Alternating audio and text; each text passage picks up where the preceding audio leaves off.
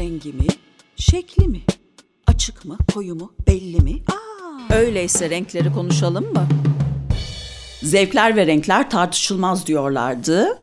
Homart'la Rengarenk podcast serisi başlayana kadar. Ben Homart yazarlarından Pınar Karadeniz, bu bölümdeki konuğum, daha doğrusu konuklarım. Knox College, Illinois Tarih Bölümü öğretim üyesi Profesör Doktor Emre Sencer, diğeri de İstanbul Teknik Üniversitesi Matematik Mühendisliği Bölümü öğretim üyesi Profesör Doktor Atabey Kaygun. Hoş geldiniz efendim. Teşekkür ederiz. Hoş, Ee, hoş bulduk. Şimdi biriniz tarihçi, biriniz matematikçi. Burada ne işiniz var? Aslında çok işiniz var çünkü ben sizleri biliyorum. Ee, çok gurur duyduğum arkadaşlarımsınız. Ve e, bu bölümde sizleri konuk etmek ayrı bir keyif olacak. Biz teşekkür ederiz davet Evet teşekkürler. Ee, biliyorum ki ortak bir takım çalışmalarınız var. Ve ben bu çalışmalara burada start vermek istedim.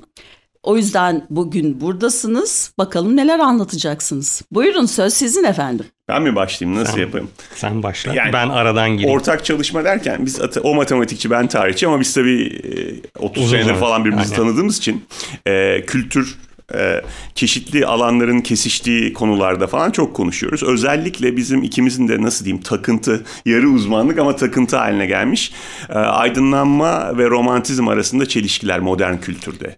E, o kendisi felsefe üzerinden aynı zamanda bilim üzerinden onunla meraklı. Ben zaten tarihin önemli, yani tarihi bilenler bilir tarihte önemli bir konu 20. yüzyılda. Oradan konuşurken bu konular çıktı. Sağ ol sen de bize bunu renk konusuna bağlamaya karar verince gelmiş olduk. Renkler konusundan aslında ilginç bir şekilde gi- girilebiliyor buraya. Çünkü e, hani akılcılık ve e, romantizmin e, çeliştiği ya da çakıştığı alanlardan bir tanesi bu e, renk teorisi alanı. Çünkü işin içine algı giriyor, psikoloji giriyor, İşin popüler de var. kültür giriyor. Evet bir de bilim tarafı var. Biz de bakalım nasıl ondan bahsedebiliriz diye düşündük. Ne? Şimdi tabii e, ben bilim tarafından gireyim Tamam. istersen. Sen diğer taraftan devam edersin. E, şeyin e, yani renklerin e, bilimi aslında oldukça yeni. Yani şey olarak bahsedersek hani ilk düzgün bir şekilde bunun e, açıklanması Newton tarafından. E, onun renkle alakalı bayağı bir deneyi var. Hatta ya aklıma gelmişken bunu da söyleyeyim. E, onun Optik adlı eseri galiba yeni Türkçe'ye çevrildi. E, buradan da onu söyleyelim. Şöyle Latinceden Latinceden çevrildi diye biliyorum ben. Ee, hatta Derya Derya Gürses e, galiba. onu da analım. Evet meslektaşımız. Ee, Derya bilim tarihçisi. Evet. Onu da alalım. İnşallah. İnşallah onu da ona şey, şey yaparız. Ee, şeyi yapan yani renklerin e, beyaz ışığın renklere bölündüğünü ilk söyleyen. Prizmadan e, değil mi? Evet prizmadan. 1710'lar civarı olması lazım mı hocam? Evet tabii ondan önce de var e, renklerle alakalı teoriler ama yani daha çok bilimsel değil. Mesela şeylerin Yunanlıların e, renk teorisi ilginç bir şekilde onların bu e, madde teorisiyle de benzeşiyor. Daha doğrusu analoji yapıyorlar zannedersem. Bu dört eleman hava, su, toprak ve neydi ateş. Ateş. hı hı. E, onlar da galiba e, hatırladığım kadarıyla e, dört tane rengi indirmeye çalışıyorlar. Siyah, beyaz, yeşil ve kırmızıya indirmeye çalışıyorlar. E, yani ilginç bir teori ama tabii yani şey olarak şimdiki gözle bakıldığında çok da doğru değil. Ama işin teorisini teorisi demeyelim de psikolojisini e, iyi anlamışlar. Özellikle hangi renkler hangi renklerle gider, renk harmonisi nasıl yapılır. Tabii bu daha sonra romantizmde de ortaya çıkacak. Harmoni merakı evet. Ama şey de mesela beyazın mesela e, böyle bir pür bir şey olduğu, saf olduğu, Pisagor'da işte ne bileyim tapınakların vesaire onun kültünün etrafında beyaza boyamalar, içeriği falan gibi. Ondan sonra e, öyle şeyler var. Biz tabii antik tarih uzmanı değiliz ama ucundan biraz bu konularla ilgilendiğimiz için e, Ya- ya bir bu- çizgi çekmek mümkün o, o Tabii. durumdan. Ya bu harmoniyle alakalı özellikle bu renk harmonisiyle alakalı çalışmaların e, geldiği analoji bence müzik teorisiyle de alakalı. Yani nasıl ki özellikle bu batıda e, Göte'den bahsedelim istersen orada e, renk teorisi Göte'nin daha doğrusu harmoni teorisi Göte'nin bana sorarsan müzik teorisindeki harmonilerle şey yapıyor. abi, Bir çeşit analoji kurarak yapılıyor. E tabii şimdi mesela zaman şeyini getirelim o zaman bir kronolojik e, resim oluşsun dinleyicilerin de önünde. E, 1810'lar yani aşağı 100 sene sonra Newton'dan Goethe tam bu Napolyonik savaşlarının orta Napolyon savaşlarının ortasında Goethe tabii tipik o dönemin belki en bir numaralı de- dehası olduğu için bu konu birçok konuyla uğraşıyor. Sadece Almancanın en önemli şairi vesaire değil aynı zamanda e, bilimle de çok ilgili. Biraz böyle bir şey var hani o zaman sanki antik çağında bir ekos değil mi? Antik çağda doğa felsefesiyle uğraşan her şeyle uğraşılmış gibi. Aynen. Goethe de kendini gençliğinde özellikle e, ve orta yaşında bu işlere çok adamış. Onun da renk teorisi Newton'a sanki bir ekleme biraz da eleştiri Tepki, olarak çıkıyor. tepki olarak. Sonra ta ondan da 100 sene sonra Wittgenstein'in bunu eleştirileri vardır tabii, Tabii, de. Ama Goethe'den sen istersen şeyinden bahset onun. Yani e, öneminden o dönemin ya da etkisinden. Yani şöyle düşün, e, benim tahminime göre şeyde Newton'la ortaya çıkan bu, e, daha doğrusu Newton döneminin getirdiği bir şey bu. Yani mekanik e, evren. Yani her şey saat gibi çalışıyor, her şey Deizm fizikle açıklanabiliyor. vesaire. Her şeyin böyle soyut bir teorisi var. Bir çeşit tepki olarak doğuyor bence Goethe. Ya Goethe'nin e, şeyi daha çok psikolojik, ya daha doğrusu ne diyelim, renklerin algısı üzerine daha çok konuşuyor. E, renklerin e, nasıl oluştuğu, nasıl e, nasıl diyeyim göz tarafından e, anlaşıldığından çok biz insan olarak renkleri nasıl görüyoruz? Bunların etkileri nedir türü bir şeyi var bence Goethe'nin. Daire, renk şeyi, renk Çemberi. çemberi. ha. Renk çemberi onun galiba yaptığı şeyler. Onun varyantının evet, şeyi var. Değişik bir renkler var içinde. Pembenin falan. Tabii yani varyantları. şeye geriye doğru giderken de e, eski Yunan Göte yani geçmişte bunun bilimsel açıklaması yanlış olarak gözükebilir ancak e, bunların yani bu insanların e, renklerin psikolojik algısı konusunda söyledikleri hala geçerli. Renk harmonileri hala geçerli. Bugünün e, yaklaşımlarının temeli diyebiliriz. Doğru ama yani dediğim şeyler psikolojik algı. E, Yoksa işin biliminde gerçekten çok büyük değişiklik var bana sorarsanız. Tabii. İlk doğru Optik olması biliminde gereken. falan. Tabii. Optik biliminde. O zaman bu noktada şeyden bahsedelim. Yani e, insanlar popüler kültürde bu tip dehaları tabii çok kültleştiriyor. Ne kadar ilginç mesela Newton'un bu kadar modern bilimin babası adam. Adamın simyaya merakı var. Böyle zaten böyle kapalı bir yerde yaşayan kendini halktan ayırmış dertli. Goethe de hem e, aydınlanmanın ve romantizmin çakıştığı anda ortaya çıkan bir şahıs olduğu için mesela kendini bilim adamı olarak görüyor fakat esasında tabii yani bilim pardon bilim adamı olarak görmüyor. Bilime merakı olan eğitimli biri olarak görüyor. Polimath. Fakat e, aynen polimat demekte şey var fakat tabii bu tam 1800'lerin başı bu işin patladığı dönem diyelim. Yani bizim işte Atabey'le en çok e, uğraştığımız hatta burada şeye de not düşmemiz lazım. Benim tez e, şeyim hocam Alan Byerson onu da analım. Onun e, en sevdiği böyle devamlı bahsettiği konulardan biri 1700'lerden aşağı yukarı en azından 2. Dünya Savaşı'na kadar ama Atabey'le ben hatta günümüze kadar olduğunu düşünüyoruz. Batı kültüründeki politik, ideolojik ve kültürel çelişkilerin çoğunu aydınlanmacı faktörlerle onlara romantik tepkiler arasında bir halat çekme oyunu veya tahterevalli oyunu şeklinde Evet, çünkü gidip görmek geliyor. gerektiğine inanır o. Ve ben de o konuyla çok uğraştım. Hatta ondan daha fazla ben bu konuyla uğraştım. Atabey'de biz iki, o matematikçi olarak ben tarihçi olarak birdenbire aynı frekansı tutturduk. Yani birçok kültürel günümüze kadar gelen konularda bu kavgayı görmek mümkün. Fakat işin ilginci e, insanlar kendileri mesela romantik faktörlerle tepki gösterdiklerinin farkında Farkında değiller. Tabii tabii. tabii. Yani şeyde e, işte bunu hep konuşuyoruz. İşte şeye bakarsak e, yani e, bilim ve endüstri devriminin Evet. geliştiği dönemlere bakın. O kadar büyük ve hızlı ilerlemeler oluyor ki ve bilim ve e, akılcılık o kadar hızlı bir şekilde ortaya çıkıyor ki ve getirdiği başarılar yüzünden bir dolu şeye açıklama getirdiklerini iddia ediyorlar. İşte insan e, psikolojisi mekanik şekilde çalışıyor, evren mekanik şekilde çalışıyor. O zaman bir dolu başka şey de mekanik şekilde çalışıyor. İşte buna karşı çıkan e, romantik tepkiler işte onu, onu, e, Evet mesela şunu e, 1700 hatta yani hemen Fransız devriminden hemen önce bile bu tepkiler beliriyor ama esas da bir devrimden sonra Napolyonik savaşlardan sonra. Ha, Napolyon tam bunun ortasında geliyor. Yani şu var.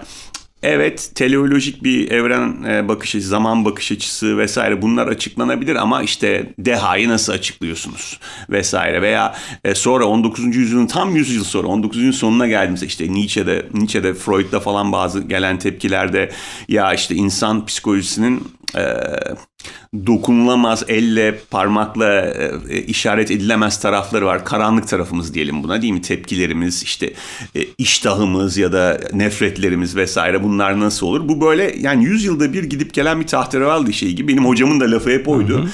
Hatta özellikle ben 20. yüzyılım ama 20. yüzyılcıyım ama konu olarak 19. yüzyıl çok daha belki önemli.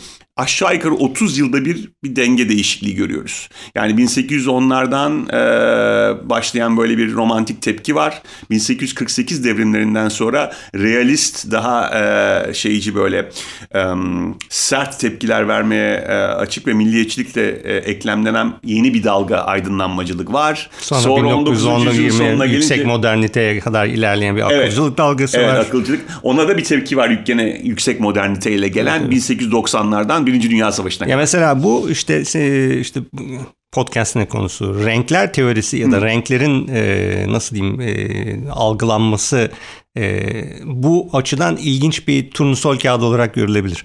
İşte ilk başta bilimle açıklamaya çalışıyorlar. Sonra buna karşı işte psikolojik algısıyla alakalı başka teoriler ortaya çıkıyor. Sonra bunu e, işte psikolojinin daha bilimsel açıklanması çalışılmasıyla beraber onun başka yere çekilmesi var. Ondan sonra bu tekrar romantik bir şekilde daha başka bir yere taşınıyor falan. Böyle ilginç gitge, gitgelleri var. Renkler bu açılardan ilginç Renkler ve semboller işte bütün şey kavgalarını düşünürüz. Birçok Avrupa ülkesinde birdenbire bu çıkıyor milliyetçilik. Bayrak bayrak kavgaları, bayrak konusu. Mesela hani benim de uzmanlık alanım olan Almanya tarihine baktığınızda şimdiki trikolor yani üç renkli olan Alman bayrağının milliyetçiliği 1810'larda ortaya çıkan bir şey olması. Ama sonra sağ ve radikal hareketler başladığında 20. yüzyılın başında bunun bir nefret sembolüne dönüşüp diğer üç rengin işte kırmızı, beyaz, siyah ta şeye kadar Alman milliyetçiliğine giden. Başka birçok ülkede var. E, bayrakların ortaya çıkışı, rengin önemi, rengin sembolik e, anlamı. Biz kendimiz hani her zaman varmış gibi düşünüyoruz bunları ama o zaman o şekilde olmuyor yani. Evet tabii doğru. Ya işte dediğim gibi şeyin e, özellikle renk gibi konularda e, işte bilim ve psikolojinin böyle ilginç bir e, çatışma alanına dönüşüyor. İşte hani bilimle açıklamaya çalışıyorsunuz. Renkler işte dalga boylarına bölünüyor. İşte e, göz bu şekilde bunları da, da tasarlıyor. Ama e, bu geçenlerde Twitter'da da gördüğümüz bir şeydi ya. E, işte sarı elbise işte gölgesi şöyle gözüküyor. Bu elbisenin rengi nedir bir tartışması vardı. Ha yeşille şey mi ya da e, tabii. Yani tamam. bunu fizyolojik olarak da açıklayabilirsiniz. Bu renk şudur. E, ama psikolojik olarak da açıklayabilirsiniz. Biz bunu bu şekilde görüyoruz. E, ve ikisi de doğru. İşin komik tarafı ikisi de doğru. Yani bazı şeyler sırf e, nasıl diyeyim, fizikle ya da şeyle açıklanamıyor. Onların e, algısı da çok çok önemli hale geliyor. Şimdi şeyi o zaman biraz onu bahsedelim yani. Ben bununla şeyle de uğraştım. Bundan bir buçuk iki sene kadar 2021'de birikimde çıkan bir yazımda bu romantik tepki vermenin nasıl moderniteyle olan çelişkisini bizi bugüne getirdiğinden bahsetmiştim. Yani e, insanlar romantik tepki lafını bazen anlamıyor. Çünkü romantizm genelde işte aşkla ya da duygusallıkla alakalı. Ama akılcılığa ilginç bir tepki. Ha bu arada bir tabii dipnot düşelim. İkimiz de tabii ki modernite eleştirisinden bir devasa bir külliyat var. İkimiz de bunun farkındayız. Hı hı. Dinleyiciler zannetmesin ki ya bunlar aşılmadı mı? Tabii ki farkındayız ama evet. postmoderniteye bağlanan o yıkıcı modernite eleştirisinin büyük bir kısmı son iki, yani 20-30 yılda bayağı bir darbe gördü, yontuldu. İyi de oldu bence. Tabii. Ama herhangi 1980'lerin sonundan 90'ların sonuna kadar lisans veya lisans üstü eğitimi almış herkes akılcılığın bu tip eleştirisini okudu bir şekilde. Evet. Şimdi şimdi bir geriye gelmeyen bir tepki var ve bunda da işte romantik tepkiye böyle belki bakmak. Yani ne demek istiyoruz? Ee, mekanistik, e, dünyanın mekanistik konularla, e, tekniklerle açıklandığı inancı ve bunun yanlış olduğu inancı, insanı insan yapan şeyin diğer hayvanlardan farklı olan belli bazı kültürel üst yapıların sadece insana ait olduğunu ve nedense bilim, e, rasyonelitenin ve aydınlanma ekollerinin buna e, dokunamadı. Ölümcül bir zarar verdiği, dokunamadı şöyle yani bunu açıklayamadı Tabii. ama hatta çok kötü bir zarar verdiği. Ha, bunu çok politik radikal taraflara çekerseniz tabii demokrasi karşıtlığına işte popülizme falan gider. Kültürel yerlerde taşırsanız da e, biyoloji karşıtlığı. Evet. Bugün mesela birçok konuda gördüğümüz işte e, nasıl anlatmalı çok fazla kimsenin ayağına basmadan. e, yani mesela e, toplumsal cinsiyetle alakalı bazı tartışmalarda e, resmen biyolojiyi reddeden açıklamalara varmadan e, siyasi tartışmalarda e, Aslında o bir çeşit şeyi determinizmi e, reddetmeye çalışıyorlar. Oradaki belki Evet, şey oradaki nasıl diyeyim, e, e, kaygı da o. Yani siz her şeyi mekanistik ya da bilimle anlatmaya çalışırsanız işte her şey deterministiktir. işte belli bir şekilde olmak zorundadır belki karşı O çıkıyorlar. söylenen ama tabii sonuçtaki şeyi unutmamak lazım değil mi? Ee, biyoloji kaderdir lafını birçok insanın karşı çıktığı ama yani neyse bu bizi renklerden ileri taşıyor ama bu e, ne derler çerçeveyi çizmekte fayda var. Bizim hep ısra- ısrar ettiğimiz biz tek değiliz biz bunu icat etmedik de bu konuda çok ilgileniyoruz. Anti-rasyonel, Bu- evet, heh. Anti-rasyonel bakış açısının getirdiği bazı ne diyelim e, hastalıklar var. Evet, çık, çıkmaz sokaklar diyelim. Çıkmaz sokaklar var. Ee, yani şeyi e, nasıl diyelim rasyoneliteyi e, determinizmle bir araya koyup e, buna karşı çıkmak e, ve e, rasyonelizmi ba- bazı açılardan eksik görmek doğru. Yani ne diyelim bunu bunda herkes Doğru bir eleştiri. doğru bir eleştiri. Ama tamamen reddetmek biraz şey gibi. E, hani e, şey, onun bir lafı vardı. Bir şeye kızıp bir şeye atmak. Ha, şey de e, e, e, İngilizce. banyo suyuyla beraber çocuğu dağıtmak Ay, dışarıya leğenden İngilizce. Peki burada mesela bir e, parantez açsak yapay zeka benim aklıma geliyor. Doğrudan bu konular Ne alakalı konuşurken. yani tabii. E, işte yapay zekanın e, limiti ne olacak? Limiti nedir veya e, işte bu determinizm vesaire. Hani bu bu yaklaşımlar çok e, günümüz Tam, konusu tam yapay benim zeka konusu ve hele bu aralarda çok e, e, ilginç e, şeyleri olan e, nasıl diyeyim size e, oldukça ses getiren ilginç bir şey var. ChatGPT 3 diye bir Ha, e, evet, e, robot var. belası. E, bu ilginç bir şey. E, şimdi eskiden şey zannederdik. Yani yapay zeka hani e, yapabileceği şeyler var. Hesaplamalı olarak yapabileceği şeyler var ama insanların yapabileceği özellikle sanat ve müzik konusunda yapabileceği şeylere dokunamayacağı konusunda çok ilginç teoriler ya da en azından e, şey uygulama o şekildeydi. Ancak Klasik romantizmin iddiası. Yani Tabii ki. dehayı nasıl mekanistik bir şekilde çözersiniz? E, İşte, al buyur evet. şimdi sanat mesela. ve şey konusuna dokunamaz e, özellikle denildi. Ama şimdi şeyler bu özellikle di- difüzyon modelleri dediğimiz şeyler var. Siz diyorsunuz ki bana şöyle bir şey çiz ve çok güzel bir şekilde yapabiliyor ve sanat eseri olarak yapabiliyor ve e, daha önce öğrendiği şeylerden çıkarabildiği çok güzel şeyler var. Ben birkaç kere denedim. Özellikle yapmaya çalıştım mesela Egon Schiele ben çok severim e, şey olarak ressam olarak. İşte bana işte yağmurda yürüyen üzerinde trench coat'u olan bir e, kadın resmi çiz ama Egon Schiele stilinde Schiele çiz stiliyle ve yapabiliyor. İnanılmaz. Çok güzel bir şekilde yapıyor, yapabiliyor. yapıyor evet. İşte Evet. mesela ö- ödevler şu anda tamamen tehlikeli dönem ödevleri. Tabii. Atabey bana gösterdi ben inanamadım yani bu kadar ilerlediğinin farkında değildim. Anahtar kelimeleri ve konuyu veriyorsunuz. Gözünüzün önünde paragraflar ortaya çıkmaya başlıyor. Aa, bunu Ben- hiç düşünmemiştim. Bu ciddi bir Felaket risk bizim gibi için. evet Şu bizim anda- için büyük risk yani. Tabii yani özellikle üniversitede e, e, tez yazanlar, ödev yazdıranlar işte mesela işte şu konuda bana e, bin kelimelik bir tane e, makale yaz e, dediğinizde Diyor yapabiliyor. yapay zekaya ve yapay ve zeka yapabiliyor. yazıyor, Yani bizim tabii. zaman özellikle dediğin gibi romantist e, romantik e, şeyin bakış açısı belli insan e, yetileri mesela sanat gibi, edebiyat gibi şeylerde bu tür mekanistik e, şeylerin dokunamayacağına dair olan inanç tamamen yıkılmış durumda. Ve çok ilginç bu şöyle acı bir durum var. Distopya bu doğru fakat romantik reaksiyonellerin düşünmediği taraftan gelip vuran bir Tabii e, distopya, Distopya, yani. evet. Ee, şimdi büyük ihtimalle yakın ben Twitter'da gördüm de üniversite hocaları bir çeşit bir savunma inşa etmeye çalışıyor buna. Çünkü dönem dönem ödevlerinin hani bütün öğrencileri zan altında bırakmak istemeyiz ama dönem ödevleri yapımı konusunda bayağı bir açık çıkacak ortaya. Tabii. Şimdi öğrenciler aklına gelmemiş olan öğrencilerin de aklına getirdik. Tabii ben mesela çok ilginç şeyler yapabiliyorsunuz. Yaratıcılık açısından bence çok e, ilginç şeyler ortaya çıkacak. Ben geçen gün bir tane e, denedim. E, ne denedim? E, bana e, şey yaz. E, Mavi hap e, şeyi ne Ha. derler ona Re- e, nasıl spam e-mailin Türkçesi ne?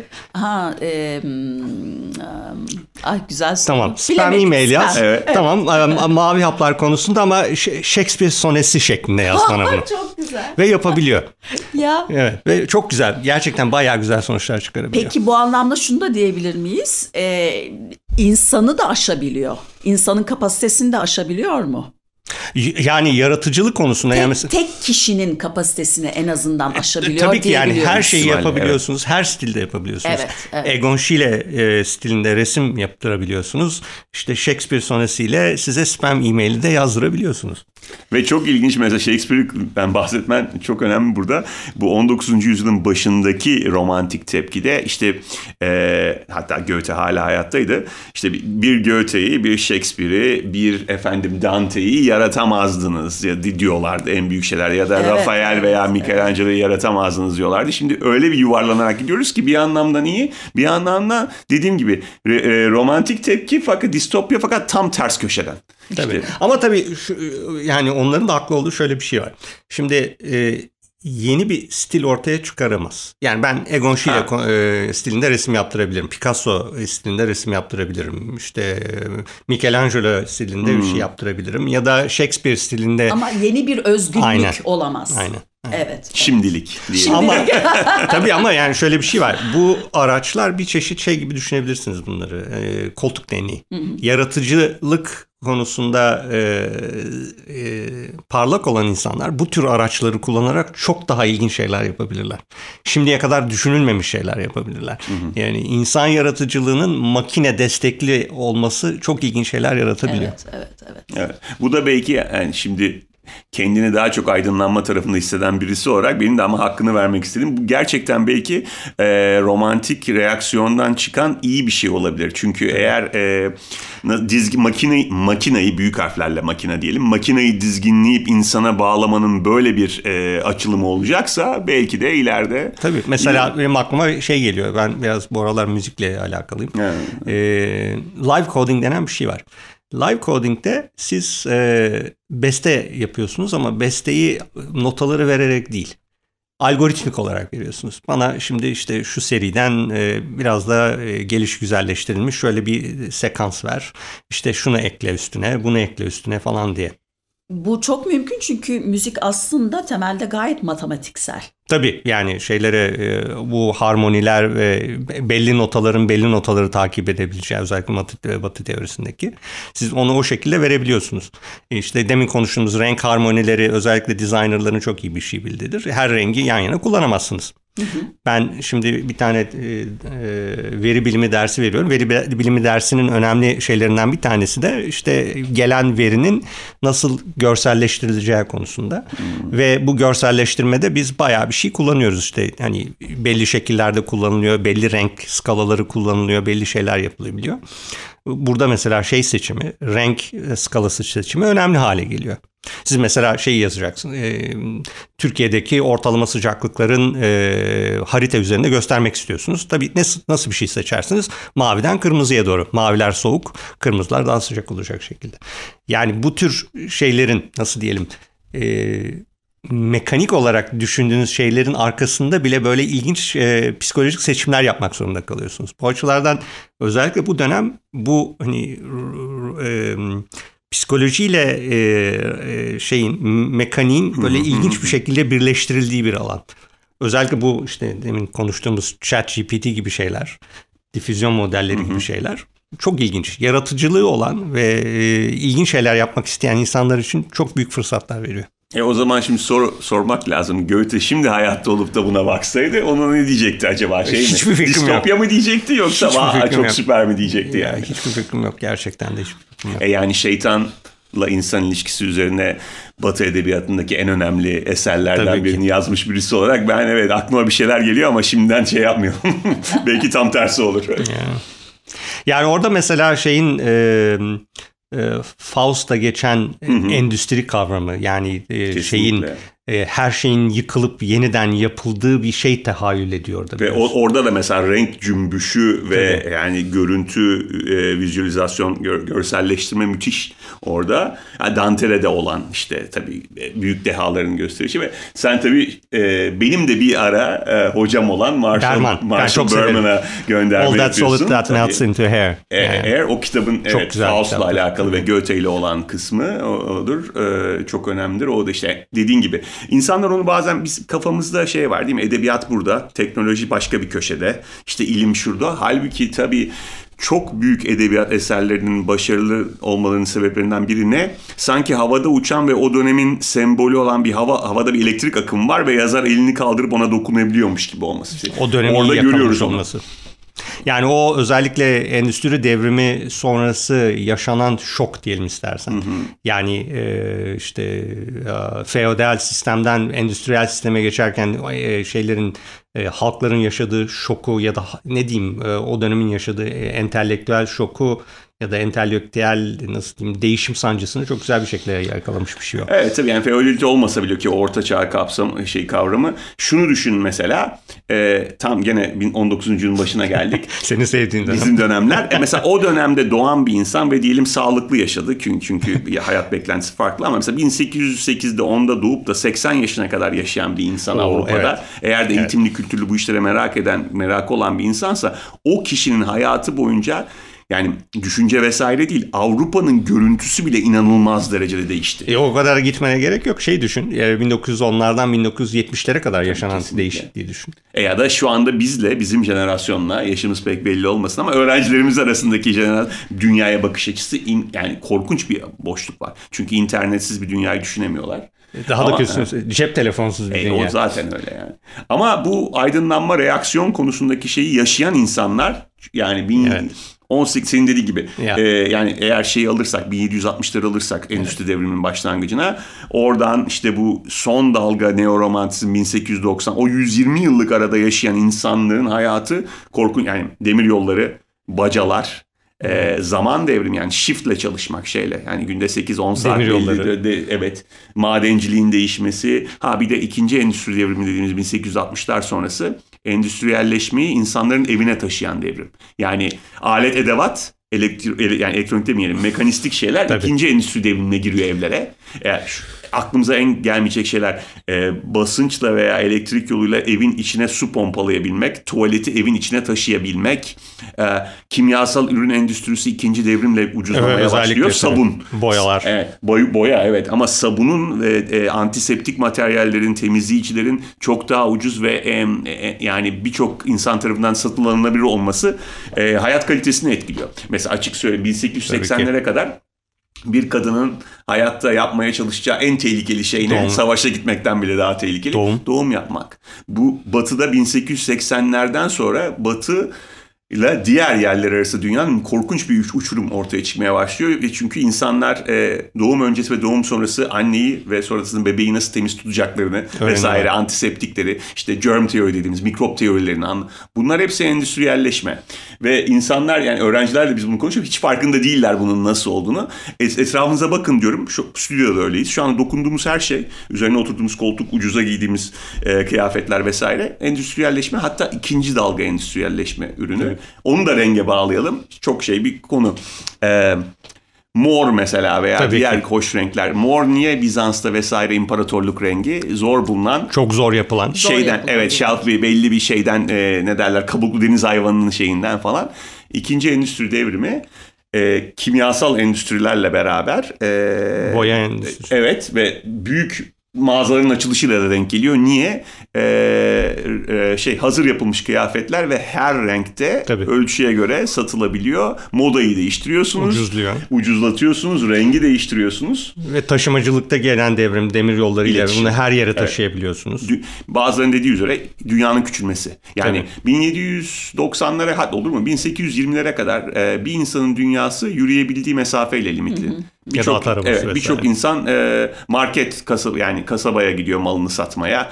Aşağı yukarı işte mil hesabıyla o zaman diyorlardı İngiltere'de herhalde aşağı yukarı 30 mil falan maksimum. O kadar uzağa gitmeye gerek yok. İstanbul'a bak. İstanbul evet. mesela e, şey İstanbul'un eski İstanbul'un yapısı yürüme mesafesidir. Bütün büyük şehirlerde her yerde yürüme mesafesinde şeyiniz pazarınız var. Yürüme mesafesinde satın alabileceğiniz evet. şeyler. Şimdi gibi değil. Arabaya atlayın istediğiniz yere gidin. 1820'lerden sonra demir yollaşma başladığı zaman ve sınıflı tabii. Üç ayrı sınıf var. Hı hı. E, ama en ucuz olan e, sınıfta siya, e, seyahat ettiğinizde bile o zamana kadar e, hayatı sadece ayakları ne kadar yürüyebileceğiyle limitli insanlar için bir devrim bir çeşit dünyanın küçülmesi Tabii ama Vesaire. sırf insan taşımacılığı değil, mal E taşımacılığı tabii konusunda. esas tabii oradan. Ve şey e, buhar makinesi ve mesela şey gemiler Gemi tabii. e, şeyi falan çok değiştiriyor yani. E, çay vesaire bilmem ne onlar. Ha bu arada gene renk konusu Hindistan mesela birçok batılı için hem Hindistan ve Doğu Asya, Güney ve Doğu Asya renk cümbüşü olarak gördükleri yerler. 18. tam bu şeyin başladığı aydınlanma hareketinin en uç noktası olan şeylerde müthiş bir Doğu merakı işte kendi evine eğer imkanın varsa Japon odası, e, Orta Doğu odası, Hint odası yapma. Ha bir tabii yalnız bunun madalyonun öbür yüzüne ucuzlamış e, pamuklu kıyafet endüstrisi renkle hazır yapılmış. Tabii mesela Hindistan gibi ülkelerdeki e, Şeyleri kumaş öldürüyor. endüstrisini batıran e, şeyler. E, Peki Akımlar. şöyle bir sorum olacak. Ee, rengin insanın evriminde ee, ki yeri sizce ne? Yani hem bir tarihçi olarak hem bir matematikçi olarak felsefeyle ilgili bir matematikçi olarak sizlere bu soruyu sormak isterim. Zor bir soru. evet yani şunu diyebiliriz gözün evriminde çok önemli bir yer oynadığı Tabii önemli. Hani. Ben geçenlerde ilginç bir e, belgesel izlemeye başladım. BBC'nin renklerle alakalı e, özellikle doğada rengin nasıl çalıştığına dair, ne tür etkisi olduğuna dair hayvanlarda özellikle. E, oldukça ilginç etkileri olan bir şey. Dolayısıyla hani onlara analoji yaparak insanlarda da bence çok etkili. Benim mesela bildiğim şeylerden bir tanesi kadınlarla erkekler renkleri farklı şekilde algılıyorlar. Kadınlar mesela daha çok rengi şey yapabiliyor, algılayabiliyorlar. Hı hı. Biz öyle mesela o kadar şey değiliz. Renk konusunda çok e, nasıl diyelim istersen biraz daha düzüz mesela kadınlara göre. E, benim tahminime göre e, mesela şeyde hayvanlar aleminin ilginç bir özelliği var. Şey dikkat ettiyseniz hayvanlar aleminde erkekler daha renkli. E, insanlarda tam tersi. E, e, yani kadınların renk algısının da kuvvetli olduğunu düşünürsek yani bilmiyorum aslında bu çok ilginç bir çelişki. Ama yani dediğim gibi çok Kadınlar söyleyebileceğim daha şey- mı çok evrilmiş? kadınlar daha çok rengi görebildiğine göre erkeklerin daha renkli evet. olması beklenebilir ama biz nedense çok renkli değiliz. Peki. Ben özellikle renk şeyi 2000 Şimdi bakarsan mesela sizler de görmüyorsunuz ama benim tamamen siyah. Evet yani o konuya bak gözün evrimi işte bir- birçok yani, bu- yani şimdi bilmediğimiz konulara çok girmeyelim ama birçok hayvanın e, renk yani renk körü olmasa bile çok az renk görebildiği Tabii. değil mi? Siyah beyaz ve gri tonları gibi. Köpeklerde galiba siyah beyaz olduğunu biliyorum. Ee, geçenlerde işte o belgesel yardımıyla öğrendim. Ee, şeyler geyikler mesela kırmızıyı göremiyorlar Ha, çok ilginç.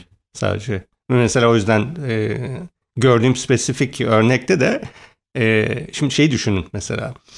E, kaplan turuncu değil mi? Biz çok hızlı, çok rahat bir şekilde görebiliyoruz. E, şeyler, geyikler kırmızıyı göremedikleri için turuncu onlara e, şey gibi e, siyahmış gibi, yeşilmiş gibi gözüküyor böyle. Kamufla, kamuflaj Dolayısıyla mesela o. yeşil bir ormanın içinde kamufle edebiliyor şey kendini. E, yırtıcı bir hayvan. Yırtıcı mesela. bir hayvan. Şeyler gözünde. Ha, işte İlginç. Da renge kendi- bağladık. Biz de kendimizi kamufle etmeye çalışalım renklerle öyleyse. Ee, peki konuklarımıza sorduğumuz Hmm. klasik standart sorumuzu sizlere de soracağız. ha biliyorum galiba. Deminki cevabını Ha, müzik. soru. Renk veya rengarenk dediğimizde aklınıza gelen ilk şarkı, şarkılar hangileri? Çok bariz bir cevap vereyim. Der- ben derin bir nefes. ya- ya- ya- yaşımı da gösterecek olarak e, ben 80'lerden sevdiğim bir grup Living Colors diye. That was in living, hatta 80'lerin sonu 90'ların başı değil 90'ların mi? başı tabii. Evet. Tamam. Ben ona şey yapamam yetişemem ama demin de düşünüyordum. Benim için renk demek mesela Woodstock 69 festivali gibi mesela ve oradaki renk cümbüşünü düşünürsek oradan çıkacak herhangi bir e, grup, Grateful Dead gibi Grateful. Dead olsun, Hendrix olsun bunların hepsi bizim için tamam yani rengin e, nasıl diyeyim tarifi. Tarifi. Ya ben aslında renk şimdi düşününce renk harmoniler ve vesaire diye konuşunca müzikteki harmoniler geliyor aklıma. Ee, Benim son zamanlarda çok e, dinlediğim iki tane grup var. Bu harmoniler ve e, ritimler konusunda çok ilginç şeyler yapan. Bir tanesi Avustralya'dan bir grup Carnival diye. Hmm. Ee, çok ilginç şeyler yapıyorlar. Ee, bir tanesi de Animals as Leaders diye bir grup. Onlar da bu ikisi de e, progresif metal olarak geçen. Ben galiba 80'lerden pek çıkamadım metal şeyinden. Ya da şöyle düşünüyorum ben yaşımız ilerledikçe müzik zevkimiz şey yapmıyor Geçmişe doğru. bayatlamıyor daha da şeyle Geçmişe doğru. ilerliyor. Benimki geçmişe doğru ilerliyor galiba. Bir reg- regression söz konusu bende. E, e, Çok teşekkürler. Sayenizde playlistimize daha da çok renk gelecek e, bu şarkılarla. İyi ki geldiniz. Biz teşekkür ederiz. teşekkür davetiniz ederiz. Bizim bu konudaki Biz devamlı her zaman konuşuyoruz. Biz aslında için. biz kendi aramızda sürekli konuşuyoruz. Bu şekilde biraz da ba- başkalarının açılmış olduk. Evet, umuyoruz bunu yakında gene bir yazıya dökeceğiz. Devamı gibi olacak benim 2020'de başladığım şeyin. Onun üzerinde çalışıyoruz eğer becerebilirsek Yani. önümüzdeki sene. Harika. Bekliyoruz. Teşekkür ederiz. Teşekkür ederiz. Rengi mi? Şekli mi? Açık mı? Koyu mu? Belli mi? Aa, öyleyse konuşalım, konuşalım. Rengarenk.